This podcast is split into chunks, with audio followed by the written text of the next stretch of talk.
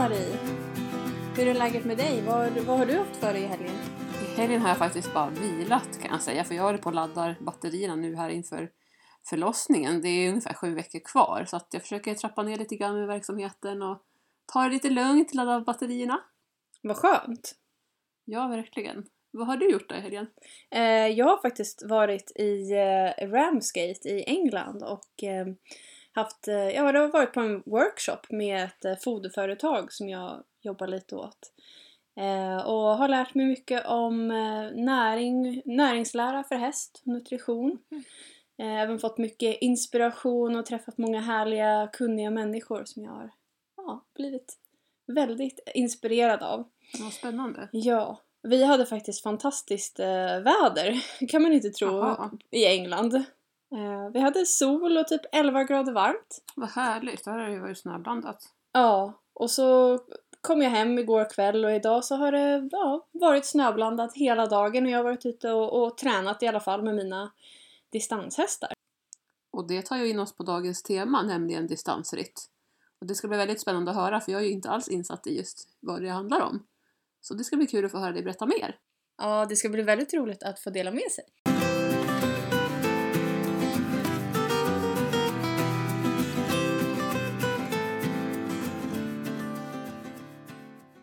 Ja, så vad är då distansritt egentligen för de som inte känner till det och vet hur, vad det är? Eh, ja, det, man kan väl kort säga att det är som ett maraton till häst. Eh, man, man rider då en viss distans. Eh, den kortaste tävlingsdistansen brukar vara 5 mil och den längsta är 16 mil och det rider man då över en dag. Det blir ungefär som en, en lång uteritt till häst brukar jag tänka. Och jag har alltid älskat att rida ut. Det låter väldigt härligt tycker jag. Men hur kom du in på det här med distansritt då? Eh, ja men det var faktiskt just genom att jag gillar att rida ut. Eh, jag, har, jag har alltid tyckt om att träna med hästen. Eh, men framförallt så har det tilltalat mig att komma ut i naturen tillsammans med mina hästar. Och så av en slump så, så läste jag lite om distansritt på någon internetsida och jag förstod faktiskt absolut ingenting. Det fanns någon minimi tid och någon maxtid som man skulle hålla sig inom och jag tänkte bara men oj oj oj min, och jag, min häst och jag vi kan ju rida det där mycket snabbare än sådär. men det har jag förstått sen att det är mera på de lägre nivåerna så har man som idealtid kan man säga. Så att man inte rider för fort och inte för långsamt heller utan man ska hålla sig inom ett visst spann. Ja. Eh, och det fick jag lära mig då att man kan faktiskt inte rida fem mil hur snabbt som helst. Nej.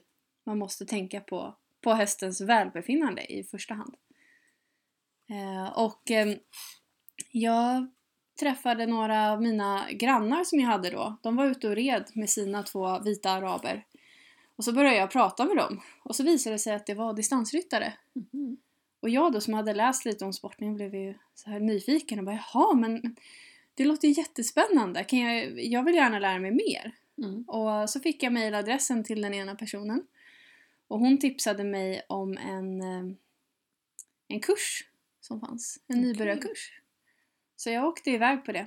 eh, Och lärde mig lite till men förstod fortfarande inte så mycket för att det är ganska knepigt och, och det är ganska knepigt att komma in i sporten och lära sig alla regler och förstå hur det går till med veterinärbesiktningar och sånt där. Eh, Men det var i alla fall så som jag fastnade för det. Mm. Eh, Och sen så åkte jag på min första tävling och det var faktiskt 40 mil enkel väg hemifrån. Oj. jag och min pappa vi, vi åkte iväg med min häst och, och så red jag en sån här clear round som det heter, en första kvalritt. Mm. Och i, eh, utanför Skövde. Det var jättevacker natur.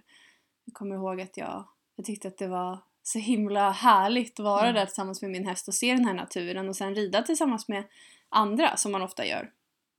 Man hittar oftast någon, Mm. någon att rida med på tävlingen så det blev ett, en väldigt social dag. Eh, sen när jag gick i mål så kunde jag knappt gå för jag hade så himla ont i fötterna.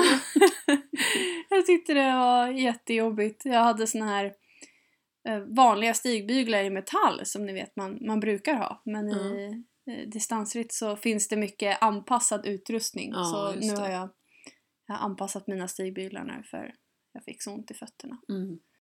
Hur många år har du ridit distansritt? Eh, Jag började 2011 så nu eh, kommer jag in på mitt nionde år nu, du 2020. ser. Ja. Ja, så, så nu kan jag snart inte säga att jag är ny i sporten längre. Nej, verkligen inte. Det kan jag nog inte säga längre. Hur Men- många, hur många är det som rider distans? Eh, nu vet jag inte den dagsfärska eh, statistiken riktigt, men jag vet att det brukar vara runt 300 utövare i Sverige, om jag Mm. minns rätt. Mm. Så det, det är en ganska liten sport här i Sverige, vilket jag tycker är jättetråkigt. Eh, jag försöker att, att värva flera ryttare hela tiden. Ja. Försöka eh, visa att det, fin- det finns något för alla i distanssporten. Oavsett om man, man tycker om att tävla för att vinna eller om man bara tycker om att, att umgås med sin häst i naturen. Eller utmana sig själv och sin häst tillsammans. Mm. Eh, men internationellt sett så är det faktiskt den näst största sporten. Mm. Det är bara hoppningen som är större än distansritt och det är det inte så många som vet om. Nej. Så kunskapen om sporten den, den behöver bli lite bättre i vårt land. Ja. Och eh, kan man säga var sporten är störst? Vilket land? Vilket land? Eh, ja, det är ju i eh, fra- framförallt Fören- Förenade Arabemiraten. Där har de Ja. ju jättemycket. Ja, okej. Och där, där kan man säga att vi, vi har lite olika sätt att tävla på. Där, där är det ofta mycket prispengar och sånt där. Det har inte vi här i Sverige. Så där kan det bli lite mera som galopp och travindustrin kanske. Att man, man eh, tävlar för att tjäna pengar helt enkelt. Mm. Eh, Medan jag som, som trots att jag rider på hög nivå inte, inte alls kan försörja mig på sporten. Det har jag inte en, inte en chans med. Eh, Mm. jag, kan få, jag kan få lite produkter och sånt ifrån tävlingarna men ja. Så, Inga eh, prispengar liksom. nej, inga prispengar här i Sverige men vi hoppas att det kanske ändras framöver. Mm. Sen här i Europa så har vi även eh, Frankrike är väldigt duktiga inom distansritt. De har många utövare och Spanien är också ett väldigt duktigt land för att ge några exempel.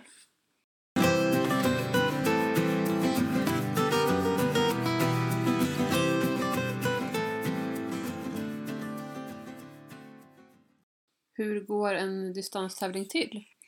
Ja, eh, det är lite svårt att, förklara för det, det är så många moment som, som ingår i en distanstävling. Ja. Men eh, om jag ska försöka förklara lite kortfattat så, så är det ju eh, först i mål som vinner. Mm. Eh, och eh, man, man väljer då vilken distans man ska rida och är man ny så måste man börja med clear round som det heter. Och där är det bara som en kvalritt och du ska visa att du kan behärska tempo tillsammans med hästen, du får inte rida för fort och inte för långsamt.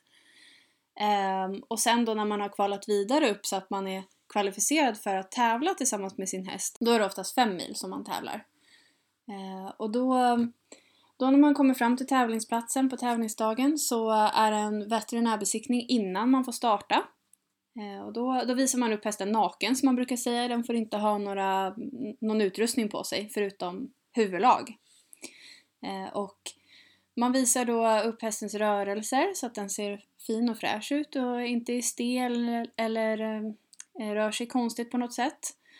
Man, veterinären kollar också om hästen har druckit ordentligt så här inför tävlingen och om den har ätit, de lyssnar på tarmljuden. Mm. Sen så kollar de slemhinnorna i munnen och eh, i ögonen. Och så känner de på ryggen så att det inte finns någon ömhet där i muskulaturen. Ja, det, det är en ganska re- rejäl veterinärbesiktning kan man Ja. säga. Eh, Det är inga böjprov såklart, det är det inte. Men det, det är ändå en koll på att hästen är i tillräckligt bra skick för att kunna delta i den här tävlingen. Mm. Och när man har fått godkänt där i veterinärbesiktningen då um, så går man till något som kallas för en rumpskrivare. Mhm. Och de skriver eh, vårt startnummer på hästens rumpa. Mhm. Så att man kan se det på håll, vilket nummer vi har. Så. Mm. Eh, och sen är det innan start också en eh, bangenomgång som ryttarna ska gå på. Eller ryttarna måste inte utan man kan faktiskt ha någon eh, i sitt team om man har någon medhjälpare med sig. Så kan man skicka den så får den en liten genomgång av hur eh, banan ser ut och om det är något särskilt man ska tänka på. Det kanske är någonstans där man måste skritta förbi en gård. Eller så kan det vara broar eller något annat som dyker upp på banan som man behöver veta i förväg. Sen är det då dags för start och eh, då rider man iväg och då är det den första delslingan som man rider. På fem mil så är det två stycken delslingor och då brukar det vara uppdelat i att du rider tre mil först och sen kommer du tillbaka till tävlingsområdet. Och um, då ska hästen gå ner i puls. Eh, I fem mil så gäller 60 slag per minut som högst. Ehm, och det ska ske inom 20 minuter från att man kommer in från banan då. Så när hästen har gått ner i puls, då går man in till veterinären igen. Visar upp hästen ännu en gång. Eh, och får man då klartecken i veterinärbesiktningen så får man gå på något som kallas för obligatorisk vilopaus. Och det brukar vara mellan 30 och 40 minuter. Så är man då godkänd så ser man till att man i den här vilopausen själv går på toa kanske och äter och dricker och man eh, tar hand om hästen. Ser till att den får äta och dricka och vila lite. Och så en stund innan det är dags eh, för nästa slinga som då är två mil. Så sadlar man upp hästen, man sitter upp, värmer upp lite och så rider man sista två milen. Kommer in till tävlingsområdet än en gång och så är det samma procedur igen med att få ner pulsen och eh, veterinärbesikta hästen. Och blir man då godkänd i eh, veterinärbesiktningen så har man blivit godkänd i själva tävlingen. Så skulle det vara något problem med hälta eller något annat, då blir man utesluten. Och då får man inte, inget godkänt resultat. Och det händer faktiskt då och då att man blir utesluten, för det är väldigt lätt i distanssporten att, att bli det. Um, det kan räcka med att hästen faktiskt trampar på en sten ute på banan mm. och blir lite sulöm. Ja. Så um, i, i många fall så kan man faktiskt likställa det med fyra fel i hoppningen. Det kan också vara en, en sån sak som att hästen blir nervös och, och går upp i varv och pulsen går upp på grund av det. Då kan man bli utesluten. Även om det känns orättvist så, så är det faktiskt så att eh, den får inte ha högre än 60 slag per minut i puls. Okay. Och en stressad häst kan, kan gå upp i puls mer än så. Mm. Och då blir man utesluten. Så ibland när man tittar resultatlistor för distansritt så kan det se lite konstigt ut och man kan tänka att oj vad många som är uteslutna. Men eh, då ska man komma ihåg att oftast så är det väldigt små saker som har Mm. orsakat de här uteslutningarna. Mm.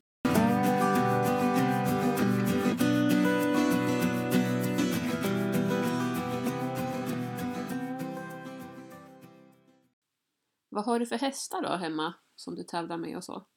Eh, ja, jag har eh, arabiska fullblod då. Mm.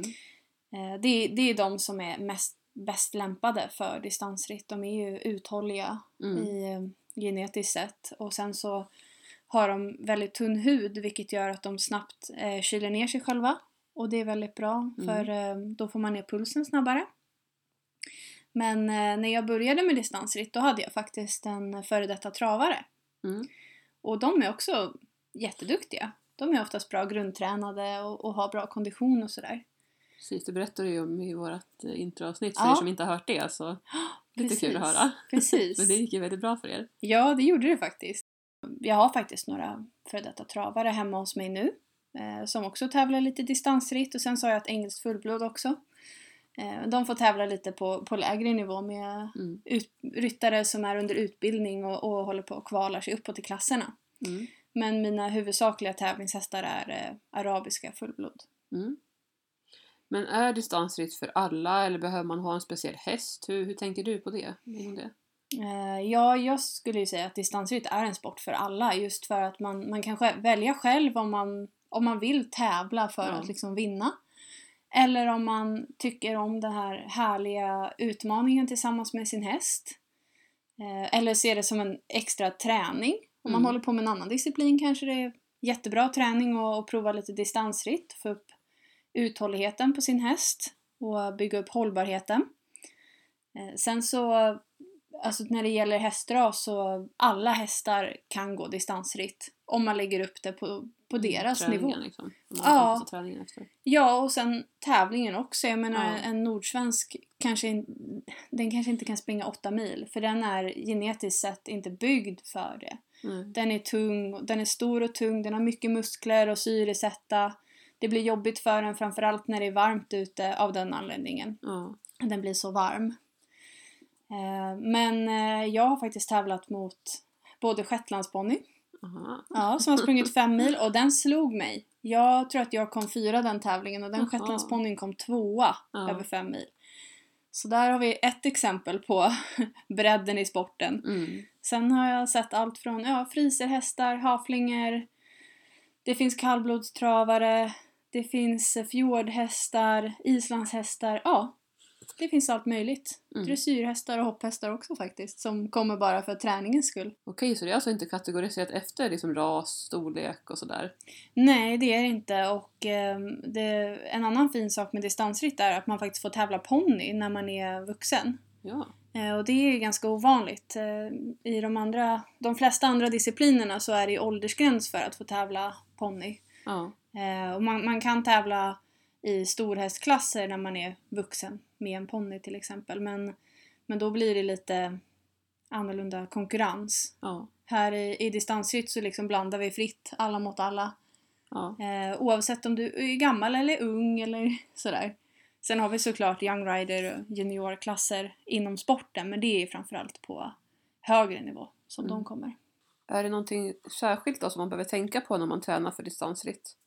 Ja, jag skulle säga både när man tränar och tävlar så behöver man hela tiden ha eh, ett hållbarhetstänk. Eftersom vi rider långa distanser, både när vi tränar och när vi tävlar, så är det väldigt viktigt att man tänker på att, att bygga upp hästen långsamt. Eh, man, man kan inte bara ta en, en häst, eh, säg, vi ger ett exempel här på en travhäst som är i toppform, den går på travet och, och tävlar och så vidare. Den kan gå ut och springa fem mil. Men Eh, om man ska tänka på hållbarheten så, så behöver du ändå backa tillbaka. Den behöver liksom bära ryttaren de här distanserna om den har mest eh, gått för vagn innan. Mm. Så, så du behöver börja med kortare träningspass och sen stegra tiden som du är ute tillsammans med hästen. Mm. Och framförallt så behöver du vara försiktig med hastigheten. Mm. Eh, jag, I de här clear-round-klasserna som jag har nämnt, där är det oftast eh, minimihastighet runt 8 km i timmen i genomsnitt på de här 4 eller 5 milen som man rider. Och maxhastighet på runt 12 km i timmen i genomsnitt. Så du får inte rida långsammare och du får inte rida snabbare. Mm. Så jag tänker ofta att när jag är ute och tränar en häst i början så ligger jag däremellan. Mm. Ofta 8 till 10 km i timmen i genomsnitt, inte snabbare än så. Eh, och sen så, så kan jag som sagt stegra hastigheten och distansen allt eftersom men man får tänka långsiktigt helt enkelt. Mm.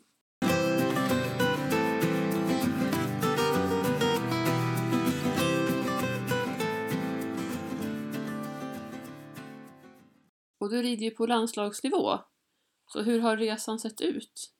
Ja, det, det började ju som sagt med att jag red på mitt varmblod som jag hade då Ja. 2011. Eh, och vi, vi red för att jag tyckte att det var en härlig grej att göra tillsammans med min häst. Eh, uppleva naturen tillsammans, utmana sig själva. Jag har alltid gillat att träna och känna liksom att jag har gjort nytta. Att du har ett mål med din ridning liksom. Ja, det, det har jag faktiskt alltid haft. Ja. Även om när jag var yngre så var inte mitt mål att bli eh, att hamna på elitnivå. Det var det faktiskt inte. Utan jag, jag har alltid varit målmedveten och ambitiös och känt att jag vill liksom ha någonting att sikta mot. Mm. Eh, men, men det var först när jag hade tävlat ett tag som jag började och, och känna att ja, men jag vill ju faktiskt satsa på det här. Det här är ju Mm. jätteroligt. Mm.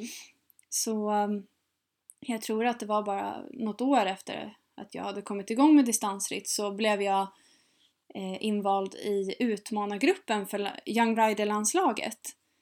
Och jag visste faktiskt inte riktigt vad det innebar.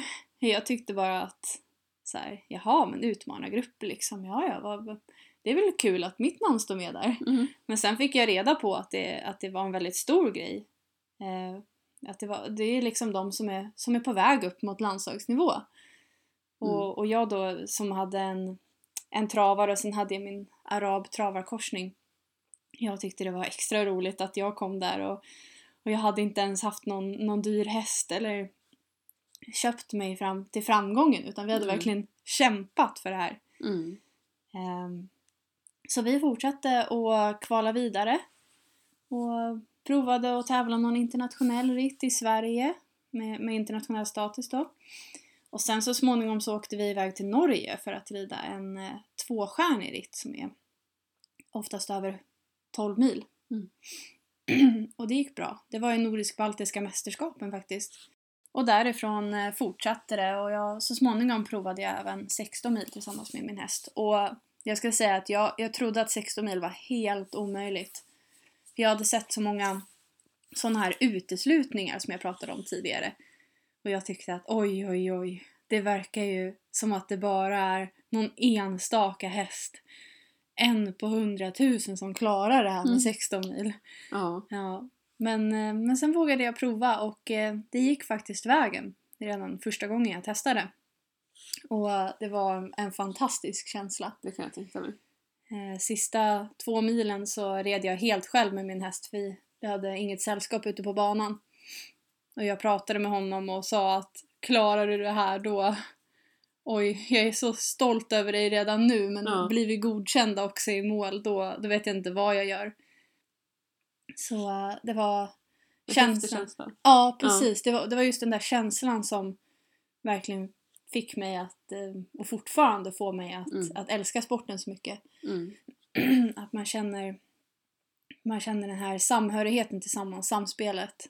Ja, och verkligen vilka fantastiska djur hästar är som, Ja, som kan liksom gå så pass långa distanser Ja. och verkligen göra allt för sin ryttare, för det är ju faktiskt det de gör. ja, verkligen. Och eh, en annan sak som jag, som jag också verkligen vill lyfta fram är att det jag har upplevt med de hästarna som jag har haft som har varit riktigt bra, de älskar också det här. Mm. Alltså de, de skulle inte springa och prestera på det här sättet om de inte tyckte om det själva. Nej. För det är väldigt långa distanser. Mm. Eh, och min, min eh, häst, EM-häst som jag hade nu på EM i somras, han, han, liksom, han galopperar iväg med öronen framåt varje slinga. Mm. Och det är det man vill känna. Jag vill inte känna att jag sitter där och tvingar fram min häst och skänklar och skänklar och skänklar utan det blir inte roligt. Det kommer Vi- naturligt från hästen. Ja, vi Just gör det tillsammans. Just också som man har tränat sig dit så Ja. vet man att hästen klarar det och då Ja. orkar det. Det är precis som för oss människor tänker jag när vi tränar och tränar inför ett mål liksom. Att man ska Ja. orka när man har styrkan och konditionen och sådär så, Ja, så blir Ja. allting roligare liksom. precis. Och, och det tar ju flera år att komma upp på den här högsta nivån i distansritt. Ja. Det, det ska ta tid. Man ska, man ska lägga en bra grund så att man, man får en hållbar häst, Ja. som jag också nämnde tidigare. Precis, det är viktigt. Finns det många distansryttare då på elitnivå i Sverige? Ja, jag tycker faktiskt att det gör det om man ser till hur många utövare vi har här i Sverige. Eh, vi, vi har en ganska bred, eh, stor utmanartrupp som det ser ut nu. Eh, och till EM så hade vi faktiskt tio kvalade ekipage tror jag. Ja. Och det är helt fantastiskt. Det fanns, det fanns ekipage att välja mellan. Mm. Och så har det inte alltid varit. Men nu, nu har vi ett gäng här som stadigt fortsätter att att satsa mot toppen. Vad kul! Jätteroligt, verkligen. Hur är stämningen då inom sporten? Hälsar man på sina konkurrenter och så? Hur funkar det? Ja, ehm, jag skulle säga, jag, jag kommer faktiskt ifrån eh, dressyr från början. Det var det jag tyckte var roligast. Efter att jag hade kommit över den här hoppperioden som jag tror att många har när man är ung. Mhm, ja, Eh. Ja, ja men då var jag inriktad på dressyr eh, en längre period faktiskt. Och Mm. där tyckte jag just att det här med stämningen ibland kunde vara lite jobbig på vissa tävlingar och så. För jag, jag har, eh, som jag sa i vårt första avsnitt, så har vi aldrig riktigt haft så mycket pengar och sådär och kunnat köpa fina hästar och sånt. Och det kunde jag tycka var lite jobbigt ibland eh, när jag kom till dressyrtävlingar och så. För att alla andra hade så fina saker och, och det blev faktiskt så, när jag, speciellt när jag var i tonåren, då är, då är man ju oftast lite sådär taskig mot varandra ibland. Mm. Eh, då, då kunde det vara så att man kanske inte alla hälsade på en eller så. Mm. För att man inte, man passade inte riktigt in. Så när jag provade distansritt så, så blev jag så himla förvånad över hur trevliga och tillmötesgående alla var där på min första tävling 40 mil hemifrån. Ja, För jag gick ju fel och jag visste, jag visste inte vart jag skulle och hur jag skulle göra och så vidare. Men det var aldrig någon som, som skrattade åt mig eller tyckte att jag var konstig och Mm. inte påläst. Utan de, de kom fram och bara ville ha hjälp med någonting. Och hade man glömt någon utrustning eller så då kunde man till och med låna det av någon annan. vad bra. Ja. Mm. Så eh, stämningen fastnade jag för direkt. Det var, det var en av de sakerna som jag tyckte var härligast med min första ritt där. Ja. Sen eh, så är det faktiskt så nu ja, när, man, när man rider på hög nivå så träffar man ju sina konkurrenter ganska ofta men, men det är härlig stämning tycker jag. Man hälsar och man, man pratar med varandra Mm. och sen till och med när man är ute på tävlingsbanan så kan man rida tillsammans också. Mm, okej. Det, rider man 16 mil så är det ju då en hel drös med delslingor som man tar sig igenom. Mm. Och tävlingen avgörs ju inte på första slingan. Så då kan man hålla ihop och ha, ha det trevligt tillsammans och sen när det väl börjar lida mot slutet så kan det bli lite mera tävlingsinriktat. Mm. Och då kanske man fokuserar lite mer på sitt och börjar lägga strategier och går in mer i sin egen bubbla. Ja, Men eh, generellt så är, det, så är det väldigt trevligt tycker jag. det låter jättekul. Och hur fungerar en tävling när man rider just så mycket som 16 mil på en dag?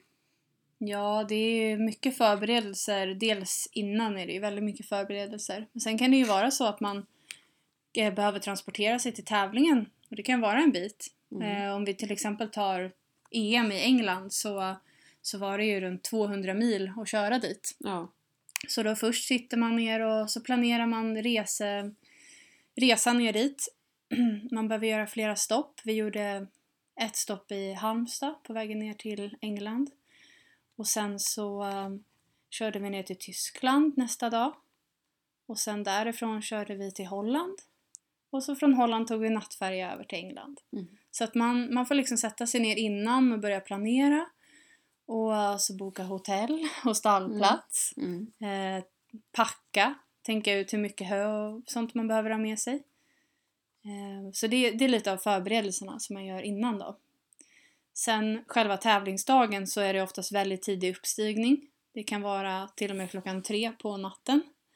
Mm. Eh, och det är inte jätteroligt alla gånger. Det låter som en utmaning. Ja, man, eh, jag brukar tänka varje gång alarmet ringer vid den tiden att varför gör jag det här egentligen? ja. Det är självplågeri nästan. Eh, Men, eh, men det är en del av upplevelsen. Alltså Ja. att man, man tar sig igenom. Det är en utmaning bara att komma upp vid den tiden. Så åker man till stallet och fixar och sen så är det som jag har beskrivit innan att det är de här delslingorna som man rider och efter varje delslinga så är det då veterinärkontroll. Och när distansen är längre än 5 mil, om det är 8 mil eller längre, då är pulsgränsen 64 slag per minut. Så då är det det man får hålla, förhålla sig till. Okej. Eh, och så under, under loppets gång i de här vilopauserna så är det extra viktigt då på 16 mil att hästen verkligen äter och dricker ordentligt och att den rör på sig så att den inte blir stel i vilopauserna. Mm.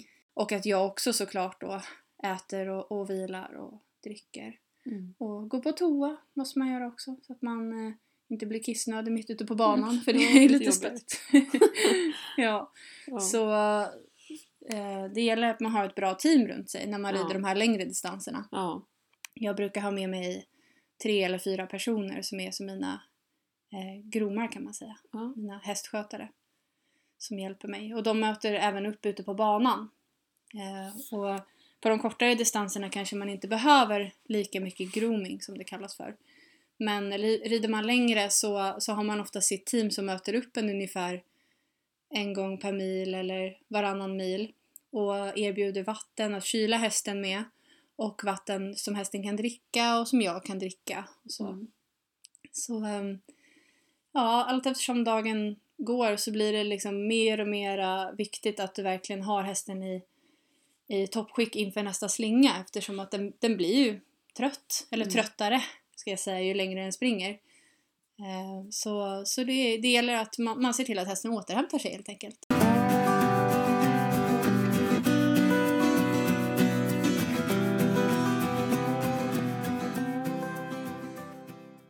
Har du några bra råd för de som är intresserade av att prova till exempel distansgrenen? Eh, Ja, eh, det finns flera stycken tränare inom distansritt som man kan kontakta. Ja. Jag är faktiskt C-tränare. Jag håller ju till här i, eh, utanför Norrtälje. Eh, och sen finns det flera stycken andra i landet, men tyvärr inte jättemånga. Nej. Men jag ska, de flesta som finns, de är väldigt öppna för att hjälpa människor och komma Mm. in i sporten. Eh, tycker det är roligt och um, ja, älskar att- att att finnas där som ett stöd. Mm. Så, um, så det kan man försöka ta reda på. Till exempel om man eh, går in i, på Facebook så Mm. finns det lite olika grupper om distansritt. Det finns en som heter Vi som är intresserade av distansritt. Där finns det väldigt många medlemmar och så kan man lägga upp en liten fråga där om någon vet vart det finns tränare eller så kan man fråga något konkret som man vill veta. Mm. Så finns det oftast någon där i gruppen som kan svara. Men eh, det bästa är ju att prata med någon som är utbildad inom själva grenen. Mm. De har oftast de bästa svaren.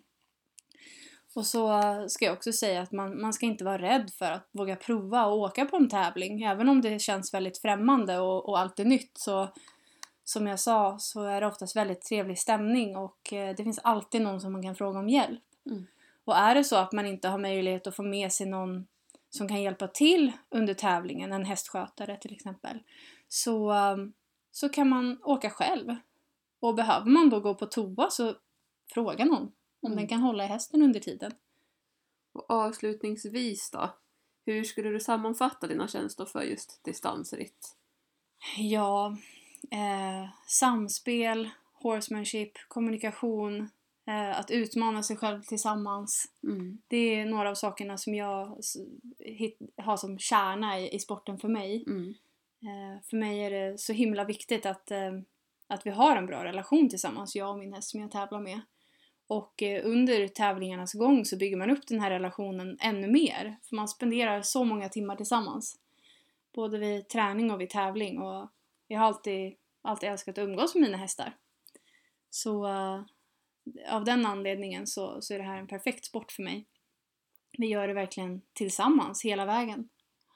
Och sen så, så kan man liksom inte fuska i distansritt utan du behöver ha den här eh, det gedi- gedigna intresset för att eh, få alla bitar på plats helt enkelt.